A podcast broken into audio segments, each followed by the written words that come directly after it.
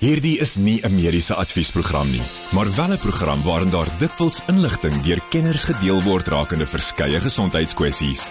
Vir persoonlike raad of advies, raadpleeg jou mediese dokter of sielkundige. Groot trauma op Groot FM 90.5. Saam in die ateljee soos altyd vir die afgelope 6 jaar Dr. Jaco van die Kerk. Hy het ehm um, direkteur van Trauma 24, dis die trauma eenheid by Montana Hospitaal. Dan het hy ook sy eie praktyk in Montana Jaco. Baie dankie dat jy is en dit is altyd lekker dat jy saam kuier. Lekker om saam te kuier vanaand Pieter. Soos altyd begin ek en jy eers 'n bietjie praat oor 'n paar nuus stories wat nuus gemaak het en ek wil 'n bietjie hoor wat is jou opinie daar rondom. Ehm um, mediese werkers betoog om ongesonde stelsel te genees Jaco. Ja Pieter, ruk terug sou mens nooit daaraan kon dink dat um, dokters en mediese personeel um insluitend nou fisioterapeute en dieetkundiges, um aptekers ensovoorts sou kon kon staak nie. Um maar die amptenaar van die presidentskantoor het maandag dan nou 'n memorandum ontvang van die gesondheidswerkers by die Unie gebou. Um en net om dit so halflagwekkend te maak, hulle dan nou of die die amptenaar van die presidentskantoor het gesê hy sluit aan minister Aaron Motsoaledi um voorlê en oorhandig wat eintlik al in 2019 nie meer minister van gesondheid is nie. Daarna het Willem Mkhize oorgeneem. Um en nou is Joe Pala wat nie uh, wat Mkhize vervang het in 2021. So die betrokke amptenaar is nou eintlik 5 jaar agter en so hy is uit die aard van die saak uitgehou want dit beteken net um dit wys vir jou hoe die staat kyk na gesondheidswerkers in Suid-Afrika. Um een van die mense dan nou op die van van die betogers dan ook gesê hulle neem hulle nie ernstig op nie en ek ek stem eintlik saam daarmee. Jy weet as jy nie eens weet waartoe jou klagte gaan nie, um dan dan weet jy dat jy word nie ernstig opgeneem nie. Um die groot ding is wat hulle eintlik maar net vra is asseblief stel die dokters, die fisioterapeute, die eetkundiges, tandarts, aptekers wat nou afgestudeer is aan want hulle is werkloos. Um meer as 700 werkers en ons het al van tevore ook daarvan van gepraat. Hmm. Meer as 700 werkers of en dokters is wat al hulle internskap en gemeenskapsdiensjaar voltooi het is werkloos. Ons sit in 'n een situasie waar ons sê ons het minder as 1 dokter per 1000 pasiënte. Sure. Aan die ander kant en die, en die staat kla ook daaroor, maar in in Februarie vroeg se begin het ehm um, die minister van gesondheid Paula gesê op 'n media konferensie dat die staat dit eenvoudig nie genoeg geld het om die werklose dokters aan te stel nie. Um ondanks die feit dat daar groot tekort is. Jy weet so hulle hulle kontradikt of of weerspreek mekaar of homself eintlik so dat dat mense weet nie meer wat om te glo en wat om nie te glo nie. Um aan die ander kant sê hulle ook en en dis met met nou die die woordvoerder van die president het gesê die staat wil nog steeds die eerste opsie vir 'n diensneming wees, maar dis nie die enigste opsie nie. Nou dit is so dokterskanale internskap en en gemeenskapsdiensjaar privaat gaan werk, maar baie wil spesialiseer en graag spesialiseer. En medisyne gaan nie net daaroor dat 'n mens primêre gesondheidsorg daar wil stel nie. Is jy 'n familielid het, 'n pa, ma, boetie, sussie, oupa, ouma wat tersiêre of baie gespesialiseerde sorg benodig, gaan jy wil hê iemand moet daar wees wat dit kan doen. Hmm. En daai daai um 'n geleentheid word nie regtig geskep nie. Um en dan selfe asem het hy gesê dokters wat verkies dan om oorsee te gaan doen dit om uit hulle eie keuse uit. En dit is nie noodwendig nee. jou eie keuse uit nie. As jy nie werk het hier nie, waar moet jy gaan werk? Eers moet jy 'n lewe maak. Um en ek ek dink regtig waar is half on, onregverdig. Nou die gesondheidswerkers sê hulle het 7 dae um, wat hulle sal wag voordat hulle dan nou 'n antwoord wil hê van die minister. Hoopelik die regte een. Ehm um, maar ja, ek dink uh, dis regtig waar 'n skande waar jy 700 opgeleide mense wat 'n groot deel van hulle lewe langer as eintlik wat hulle op skool was, hmm. spandeer het om te studeer en eintlik 'n diens wil lewer vir die bevolking. Um, en en selfs in die staat wil gaan werk um, om hulle nie 'n keuse te gee en 'n opsie te gee om dit te kan doen nie is regtig waar krimineel. En aan die ander kant dan sit ons weer met nasionale gesondheid wat hulle sê dat hulle wil uh, vir almal gesondheidsorg beskikbaar stel maar jy kan nie 700 dokters aanstel wat nou net afgestudeer het nie. Hoe gaan jy die hele land se dokters kan inkorporeer in so 'n stelsel ek hoor ja. Net dan laasens Jaco, ek dink dit is eintlik maar half 'n uh, sê Engelsman se sê catch 22 want um, ek meen watter internasionale persone gaan in 'n geval 'n dokter aanstel wat letterlik nou net klaar gegradueer het. Nee, jy gaan Jy weet so hulle is hulle hulle kort bietjie ondervinding sodat hulle kan gaan werk in die buiteland, jy weet, of selfs in die binneland, jy weet. Um, dis dis baie waar, jy weet, en en die oomblik wat jy klaar gestudeer het, ek dink dan is jy akademies gewys seker die skerpste wat jy ooit in jou lewe sal wees, want jy kan elke liewe siekte opnoem en jy kan honderde oorsake opnoem ensovoorts. Maar die oomblik wat 'n pasiënt daar voor jou staan is nie noodwendig dieselfde ding nie. En baie keer het mens maar 'n bietjie hierdie hierdie ondervinding nodig om goed raak te sien. 'n Pasiënt het nie die boek gelees nie en geen siekte lees die boek nie. So jou simptome kom nie in in volgorde soos jy dit geleer het nie. Jou beeld kom nie in volgorde nie. Almal is uniek en mense moet leer om daai te integreer later. So mense wil graag hê jou dokter of jou spesialis of jou chirurg of whoever jy sien moet ehm um, eintlik bietjie meer ervaring hê om die diepere die diepere dinge raak te sien wat 'n nuut afgestudeerde student nie noodwendig het nie. Net hierna gaan ons 'n bietjie kyk na ons hospitale ehm um, en dan ook oor navorsers wat bekyk oor die neeweffekte van COVID en stowwe se blygerusing skakel daarvoor. Groot trauma met Pieter Kloete en dokter Jaco van die Kerk op Groot FM 90.5. Ons kyk ons 'n paar nuus stories wat nuus gemaak het en ek wil 'n bietjie hoor by Jaco Jaco van die kerk wat is die ehm um, wat is sy opinie daar rondom?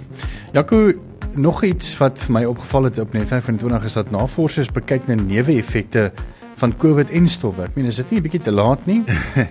ja, Pieter, ek dink dit is, is bietjie te laat, maar ek dink daar's groot hysterie tans daar rondom. Ehm um, die Global Vaccination Data Network is eintlik so 'n halwe internasionale samewerkingsinisiatief wat dan nou bedryf word um, onder die Universiteit van Auckland in Nieu-Seeland en dit be, bevat 'n paar lande of behels 'n paar lande. Australië is een van hulle, Argentinië, Kanada, Denemarke, Finland, Frankryk, Nieu-Seeland en Skotland.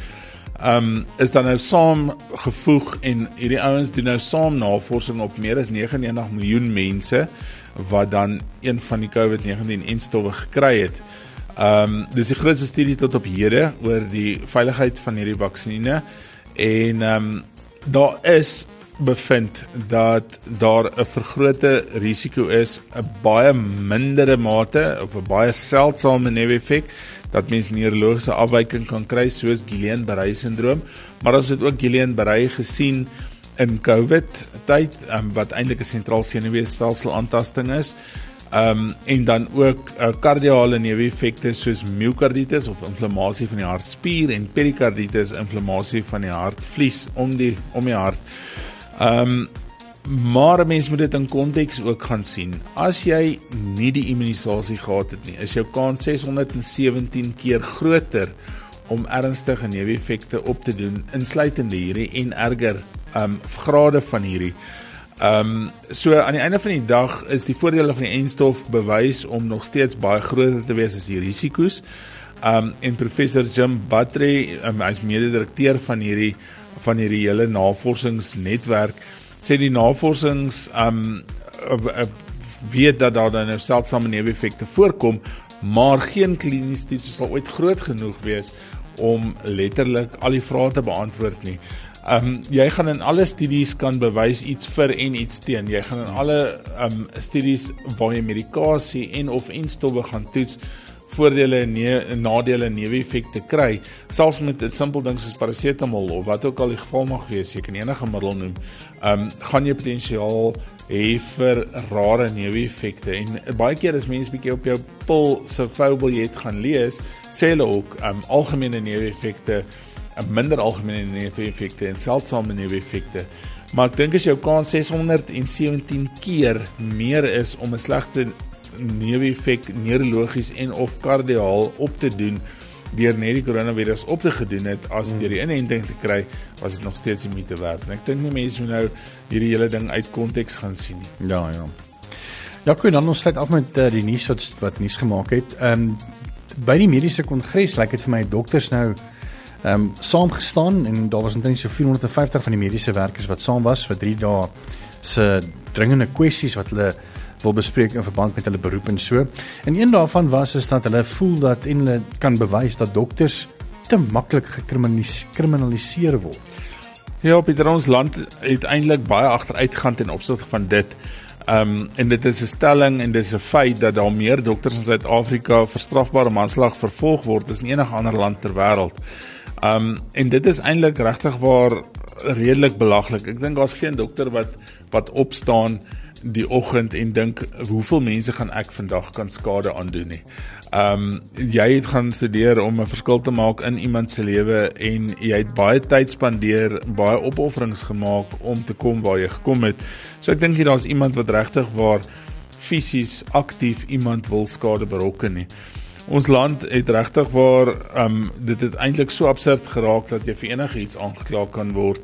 Um selfs as jy 'n operasie doen en iemand sterf um, in die in die eerste 3 dae na die operasie word daar saak van strafbare manslag teenoor die chirurg ondersoek wat eintlik ook baie baie moeilik is um om om te bewys nommer 1 aan die een kant van die van die staat en aan die ander kant um op die dokter se vlak dit is baie sleg as iemand in 'n spreekkamer aankom terwyl daar pasiënte sit en hulle sê maar wat het nou hier gebeur um, en hulle ondersoek saak van strafbare manslag lyk ook nie goed nie. Ehm um, maar aan die einde van die dag dink ek die beginsel van enige dokter wat aangekla word en of vervolg word is um die redelike dokter toets. So daar's 'n maatstaf wat die wat die howe in Suid-Afrika um gebruik wat dan sê wat sal die redelike dokter in daai spesifieke situasie doen. Dis ook nie feilbaar of on, nie feilbaar nie. Dis dis dis regtig waar ook 'n moeilike ding want wie is die persoon wat besluit wat die redelike dokter sou doen? Dis die een ding. Die tweede ding is um jy is nie in daai situasie nie. Selfs ons wat kollegas is van mekaar, as iemand kla oor 'n betrokke kollega, jy weet nie wat het gebeur in daai konsultasie nie. Jy weet nie wat was die kliniese beeld tydens die konsultasie nie. En hierdie goed verander uh, dramaties baie keer van dag tot nag. Um veral in kinders, jy weet, dinge verander regtig by die uur. So dis 'n baie moeilike maatstaf om te volg en en ek is baie bly ek is sit nie in 'n in 'n regbank om te besluit wat sou die redelike dokter gedoen het nie want selfs met mediese agtergrond dink ek nie is altyd net 'n 'n ja of 'n nee antwoord of 'n swart of wit antwoord nie.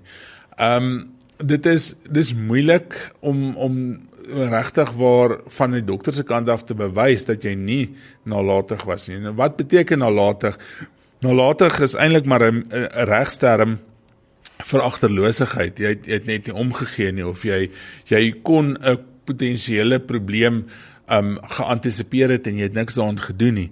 Um en dit is waar dit nog verder moeilik word want wat is die verskil tussen 'n komplikasie en nalatigheid? Mm. Want alle medikasie en alle prosedures het potensiële komplikasies. Enigiemand wat al vir 'n operasie gaan het, sal weet die dokumente wat jy invul um is dat daar potensiële komplikasies in jou verduidelik word en dis bloeding en infeksie en wat ook al narkose komplikasies.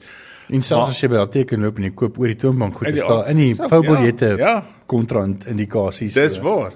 So as dit nou gebeur, is dit nalatigheid van die kant van die dokter of die behandelende dokter of is dit 'n komplikasie?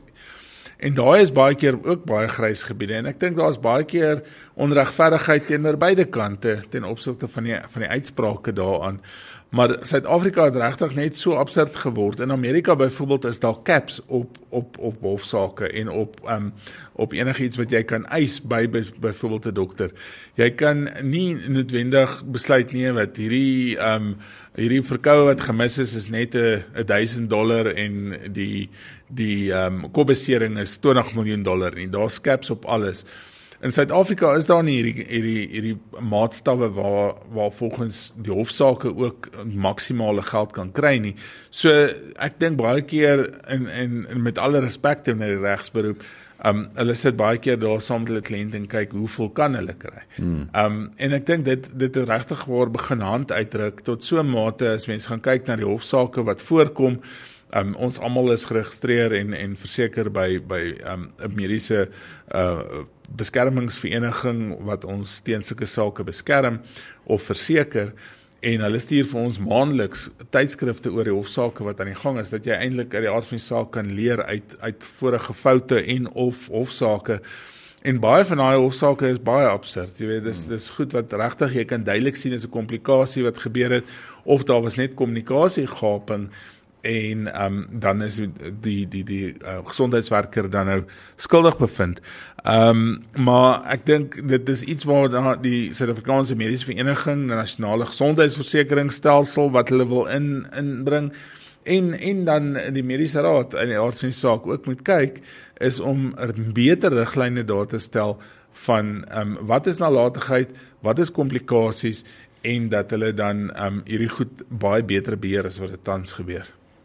Net hier nog ons 'n bietjie gesels oor siekte X en Jaco gaan ons 'n bietjie meer vertel daaroor net hierna. Groot trauma met Pieter Kloete en dokter Jaco van die Kerk op Groot FM 90.5.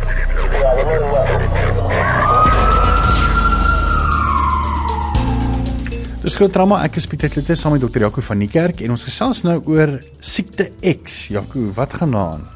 Ja, Pieter is eintlik 'n baie interessante konsep. Ehm um, die Wêreldgesondheidsorganisasie se hoof het op onlangse wêreld regeringsberaad gesê nog 'n pandemie sal uitbreek. Soos wat COVID-19 'n pandemie was, COVID-19 kon siekte X, Y of Z gewees het, wat ook al die die geval mag wees waarvan jy hou. So dis nie 'n kwessie van wanneer wa, of dit gaan gebeur nie, dis net 'n kwessie van wanneer dit gaan gebeur. Mm. Nou een van die groot krisisse en en wat hulle deesdae begin beskryf as siekte X is nosokomiale infeksies. Nou nosokomiale infeksie beteken eintlik net 'n hospitaalverworwe infeksie. Neem net om dit 'n bietjie in konteks te stel. Jy kan 'n infeksie opdoen op verskillende plekke. Obviously gemeenskapsgebaseerde infeksies en dis 'n sekere groep van organismes en gewoonlik werk antibiotika nog goed op hulle. En dan kry jy hierdie nosokomiale infeksies of of hospitaalverworwe infeksies of die superbug soos baie mense dit noem. Um en en en in baie tydskrifte gesê word. So toe ek so, gestudeer het, het hulle vir ons gesê so 20% van mense wat in 'n hospitaal opgeneem gaan word in 'n hoë sorg situasie sal 'n nosokomiale of hospitaalverworwe infeksie kry. Um die Wêreldgesondheidsorganisasie voorspel dan dat pasiënte tans so 30% risiko het in waakeenhede in die ontwikkelende lande of ontwikkelde lande, ekskuus. Um in ontwikkelende lande soos wat ons in Suid-Afrika is, is dit tot 70%. So dis nie snaaks vir vir 'n Suid-Afrikaanse hospitaal om hospitaalverworwe infeksies te kry nie en dis irrelevant van waar jy is. Die probleem is ons kon dit altyd relatief goed hanteer, relatief goed behandel want die goed die organismes was nog was nog sensitief vir, vir antibiotika. Maar ons sien dan nou self dat ons meer en meer weerstandigheid aan die antibiotika kry en die sterfte syfer kan dan in onderontwikkelde lande tot soveel as 70% wees. So nommer 1, jy het 'n 30 tot 70% kans om infeksie te kry en as jy een van daai 30 tot 70% is, jy 70% kans om te sterf daarvan ja. en nie aan jou oorspronklike siekte nie. En dis dan net die aard van die saak die die die siekte X ehm um, wat mense van van praat. Ehm um, daar's in 2014 voorspel dat antimikrobiese weerstandigheid of antibiotika weerstandigheid in 2050 jaarliks ongeveer 10 miljoen mense um per jaar kan kan kan laat dood doodgaan. Um maar op grond van die huidige tempo van van vermeerdering van hierdie hospitaalverworwe infeksies gaan hierdie 10 miljoen kerf per jaar lank voor 2050 bereik word. Hmm. So in in die Universiteit van die Vrystaat, ek is half trots om dit te sê. Ehm um, het professor Robert Bragg, hy is verbonde aan die Universiteit van die Vrystaat se departement microbiologie, biochemie en voedselbiotehnologie. Um, 'n PhD student wat onder hom oplei waar hulle dan nou wil kyk dat hulle met minder gevaarlike mikroorganismes in die omgewing werk en dat hulle meer biosekuriteit soos in die pluimvee die die die die hoenders nie goed wat hulle so mooi na kyk. Um dat dat hulle daarna gaan kyk en kyk of mense nie um meer weerstandigheid kan kan opbou en dat die organismes nie weer meer sensitief gaan wees vir die antibiotika met hierdie biosekuriteit um beginsels wat hulle dan in in plek wil sit nie. Um een van die groot redes hoekom die bakterieë en die virusse en die parasiete meer weerstandig geraak het is tydens die COVID pandemie het ons almal gehand sanitize en ons het ge noeme noeme um saniteerder en 'n uh, ontsmetmiddel van soorte en is gebruik. Ek dink die rakke was op 'n stadium leeg en bakterieë sal weerstandigheid daartoe opbou. Um daar's baie van die goed wat kommersieel beskikbaar is op die rak wat in die supermarkte te koop is waarop baie slegte organismes eintlik kan teer. Um en dit het ek my eie oë gesien. Um baie een van die organismes is Pseudomonas aeruginosa word in in swembadwater baie keer gekry kry 'n baie slegte swem uh, oorinfeksie daarvan. En daar's van hierdie baie bekende um middels wat as um sterilisasiemiddels en of antiseptiese middels gesien word en dit groei daarop. Jy kan dit letterlik daarin laat groei en dit gebruik daai proteïene om om om meer te word. So ons is regtig in die moeilikheid ten opsigte daarvan en om 'n sterftesyfer van 10 miljoen per jaar te hê is erger as die COVID pandemie. So ek dink regtig waar um ons as as bevolking en ons as publiek wat wat hier buite leef moet regtig waar kyk na antibiotika en antibiotika gebruik in die hospitale is daar 'n term wat hulle antibiotic stewardship noem waar hulle ons wat met pasiënte werk half dwing om kwekings te doen om te kyk watse antibiotika gaan die meeste effektief wees vir 'n watse organisme en wat is die dosis wat jy moet gee en hoe lank moet jy dit gee nie te lank nie nie te kort nie nie die verkeerde antibiotika nie. Um en ek dink mense moet dit daar buite ook gaan toepas. Daar's baie van die ontwikkelde lande en dis hoekom hulle baie beter lyk like as ons. Hulle is hulle hulle um infeksie um tempo of infeksie um insidensie is minder as die helfte van wat ons onderontwikkelde lande is.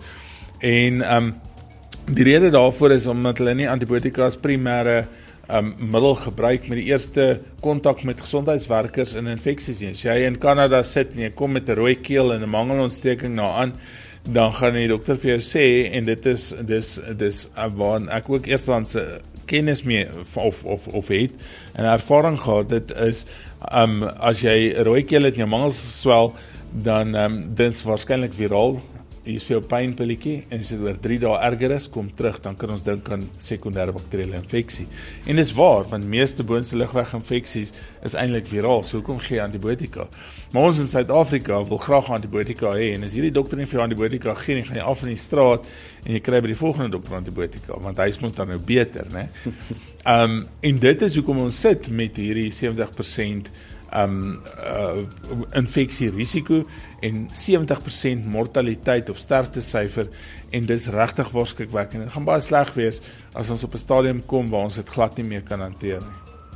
Ja, okay, wat wat bedoel dokter Bragg as hy sê dat um, uh, die lewensvatbaarheid van van weet uh, moet na gekyk word in 'n post-antibiotika era. Is dit is daar iets wat moontlik kan ontwikkel word wat beter is as antibiotika of Ja, ek dink ek dink dis dis amper soos die wêreldgesondheidsorganisasie sê, dis nie dis nie of dit gaan gebeur nie, dis net wanneer dit hmm. gebeur. Hmm.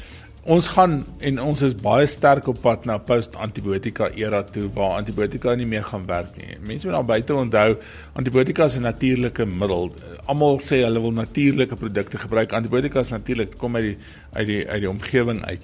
So ons kan nie antibiotika maak en breek soos ons wil nie. Ons kan nie ewe skielik 'n nuwe antibiotika maak nie. Daar's net soveel klasse, net soveel groepe. Um en ons moet alles daarmee hanteer. So ons gaan na 'n post-antibiotika era toe moet begin kyk waar ons nie meer antibiotika kan gebruik vir enige infeksie nie want niks gaan meer werk nie. Hmm. En dan gaan mense hierdie um biosfere en en en en biologiese maniere moet kry, ander biologiese maniere moet kry om um siektes te beheer om dalk ander organismes te gebruik wat sekere organismes aanval en dan op op grond daarvan 'n siekte dan te genees. Dit gaan 'n baie moeilike ding wees en ek dink dis hoekom die PhD studie aan die gang is hmm. om te kyk watse biologiese maniere jy kan kry anders as antibiotika om siektes te dan te behandel. Net en algens 'n bietjie praat oor ehm um, slang antiteengif, ek hoop dis hoe mense dit sê.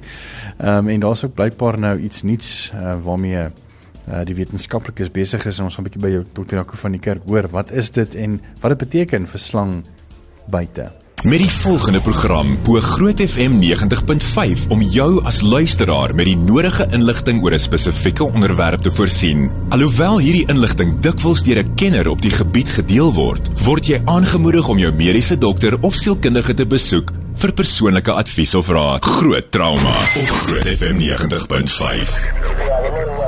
Van ons laaste onder of onderwerp vir ons bietjie na 'n paar uh vrae gaan kyk. So as jy enige mediese vrae het, is jy minstens welkom vir ons 'n WhatsApp te stuur. 061 6104576 onthou standaard tariewe geld.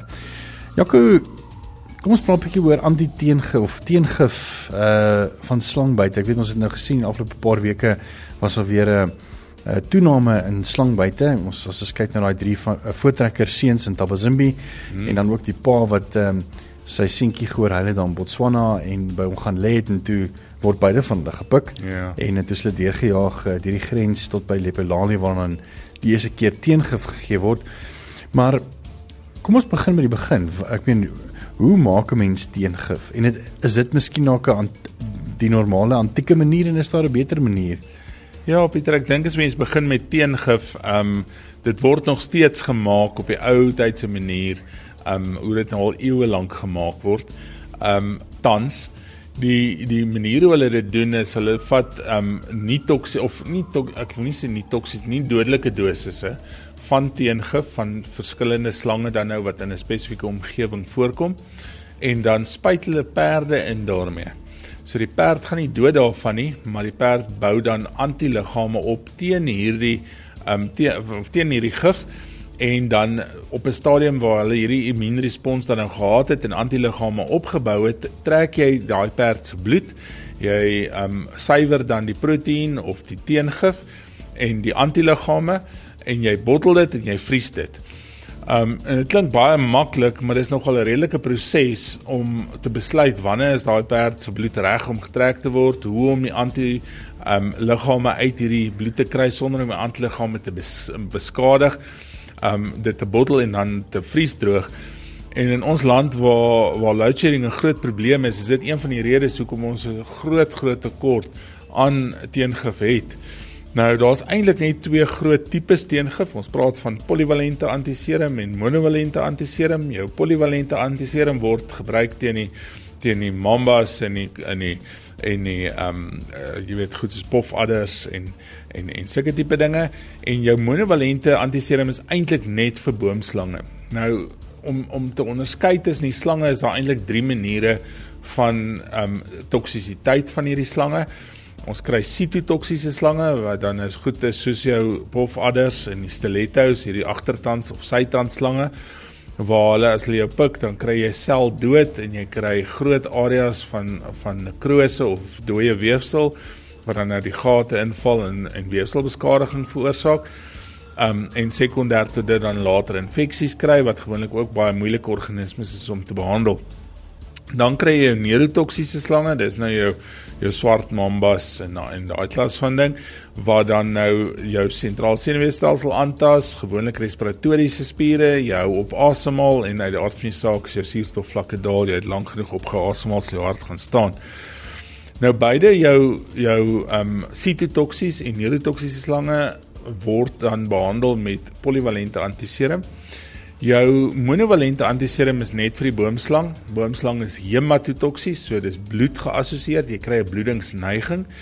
Die goeie ding van van boomslange is hulle is gewoonlik nie aggressief nie en as hulle jou pik dan sal dit nie dadelik gebeur soos 'n jy weet hulle sê mos altyd die grapie van die swart mamba as hy jou daar ver pik van enige hulp af met my onder 'n boom sit dat jy um, dat jy daarom gemaklik kan sterf maar ehm um, en nie in die son lê nie maar ehm, 'n um, 'n boomslang doen dit glad nie. Ehm um, dit dit vat 'n ruk, dit vat dae voordat die bloedingsneiging begin en jy tyd om dit te behandel, maar dit beteken nie omdat jy nie dadelik besig is om dood te gaan nie dat jy nie iets daaraan moet doen nie. Jou probleem kom later hmm. waar jy eintlik dan nou eintlik onstolbaar is en dan uit al wat 'n opening in jou lyf is kan bloei.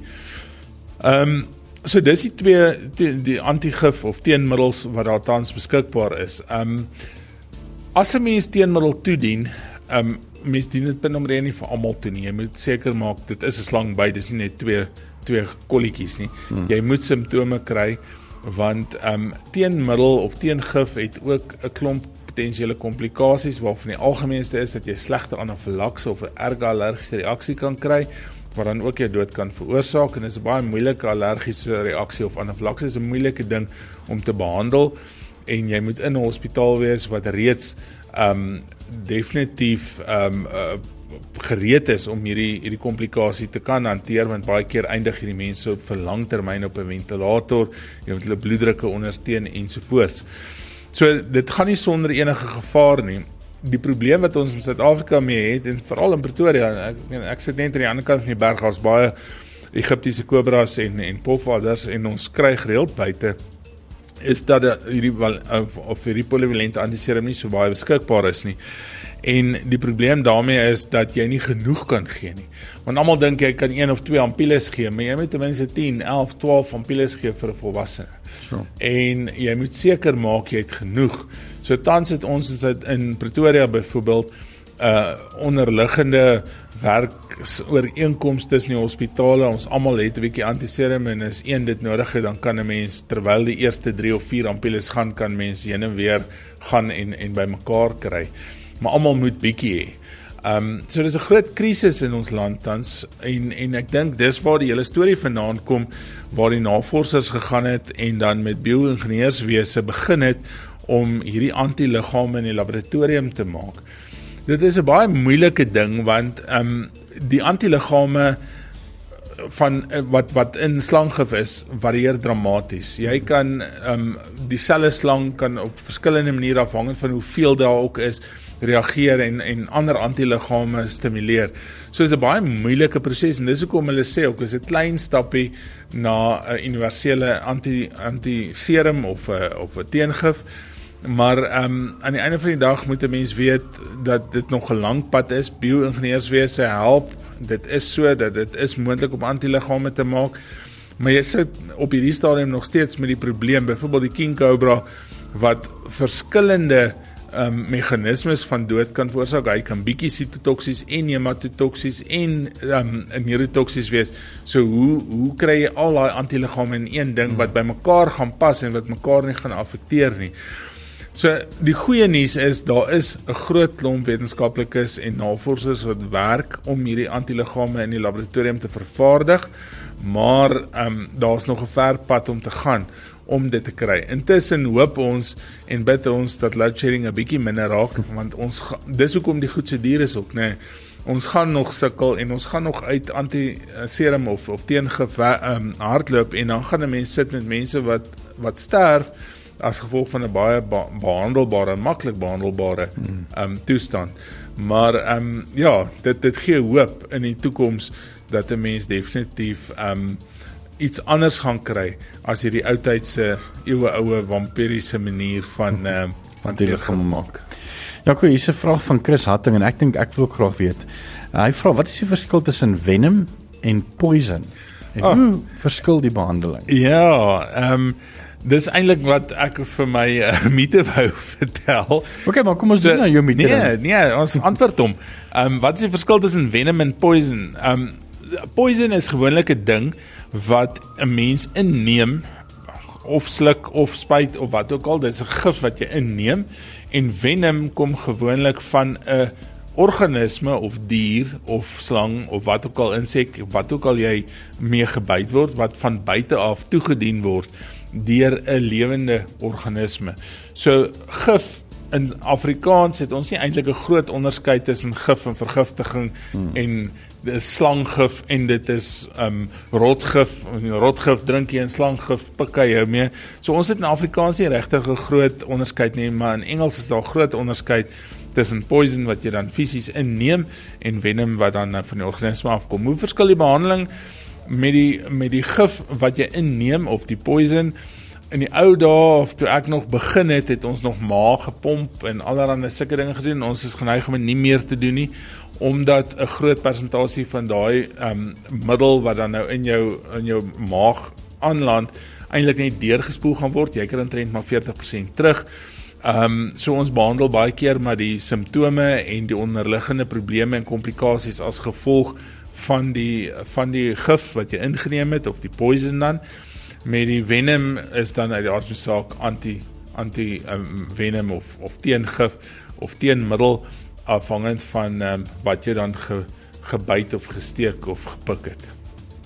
Net hierna gaan ons kyk om so 'n paar van jou vrae te beantwoord op vrae vir Jaco. Met die volgende program bo Groot FM 90.5 om jou as luisteraar met die nodige inligting oor 'n spesifieke onderwerp te voorsien. Alhoewel hierdie inligting dikwels deur 'n kenner op die gebied gedeel word, word jy aangemoedig om jou mediese dokter of sielkundige te besoek vir persoonlike advies of raad. Groot trauma met Pieter Kloete en dokter Jaco van die Kerk op Groot FM 90.5.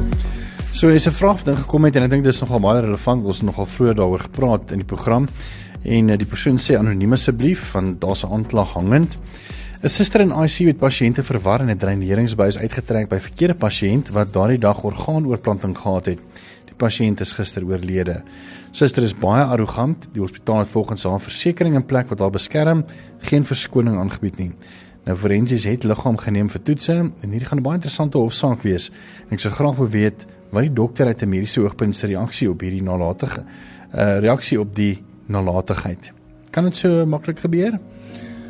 So Pieter, dis 'n dis 'n baie moeilike ding en ek dink nie daar's 'n maklike antwoord nie. Die een ding is as ons dit van van van vooraf kyk, ehm um, dit is maklik om in ICU soms pasiënte te verwar in 'n chirurgiese ICU as 'n mens ehm um, 'n redelike klomp pasiënte het. Nie, dit die probleem kom daarin dat gewoonlik in 'n ICU en dis dis die ideale wêreld in die eerste wêreld sal daar 'n 1 tot 1 verpleeg um, suster teenoor pasiënt wees en dan sal dit nie gebeur nie maar in 'n ontwikkelde land of on, uh, onderontwikkelde land of ontwikkelende land soos Suid-Afrika ehm um, gaan dit definitief ehm um, baie keer 2, 3, 4 pasiënte wat een suster het in 'n intensiewe sorgeenheid.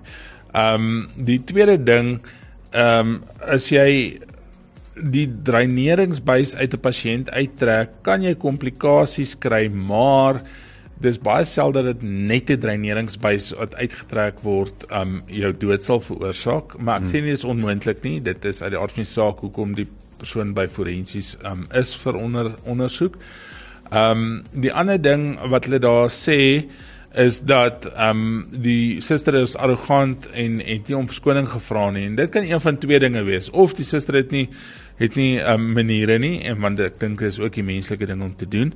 Maar aan die ander kant is ook so baie keer van um, gesondheidswerkers perspektief af voel die um, persoon en dit kan enigiemand wees dat as jy om verskoning vra en dit is 'n ongelukkige ding van die samelewing dat jy um, skuld erken en dat jy sê jy het dit dan veroorsaak. So ek sê ook nie dis een van die twee nie, maar dit is waarskynlik die een van die goed wat wat wat kan gebeur.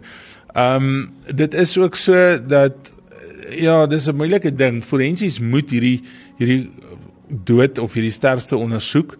En die rede daarvoor is maar om te onderskei tussen is dit 'n komplikasie van die oorplanting of is dit 'n nalatigheid van een of ander aard of is dit um, 'n um, normale verloop van wat in elk geval sou gebeur. Die vraag is is dit die dreineringspyp al dan nie um by hierdie pers betrokke persoon wat dan die vraag vra en die kans is baie skraal. Gewoonlik is die kans kans bitter bitter min dat dit die dreineringspyp sal wees wat die wat die dood veroorsaak. Maar ja, dit sal interessant wees en asseblief laat weet ons wat sê die um nadat se ondersoek by die forensiese afdeling um en en hoe hierdie ding verloop want dit is nogal 'n baie interessante ding. Maar ja, um om iemand skuldig te bevind aan nalatigheid moet daar skade wees wat daai daar van die saak is, dan moet skuld wees wat bewys moet word en dan moet kausaliteit wees met ander woorde oorsaaklik dan moet dan moet 'n ding wees wat wat dan nou gelei het tot die dood fisies wat geassosieer word met hierdie insident of ingreep wat dan plaasgevind het. Dit is al 3 dae daar is dan en dan kan mens sê iemand is nalatig, maar dit sal afhang van al hierdie ander ondersoeke. En dis hoekom dit so komplekse ding is. Hmm. Hoekom hierdie hofsaake baie keer so lank duur is om regtig waar al die feite op die tafel te hê. Dr. Jaco van die kerk en ons is volgende week weer saam met jou elke woensdag gaan tussen 8 en 9. Dankie Jaco. Dankie Pieter. Groot trauma met Pieter Kloete en Dr. Jaco van die kerk op Groot FM 90.5.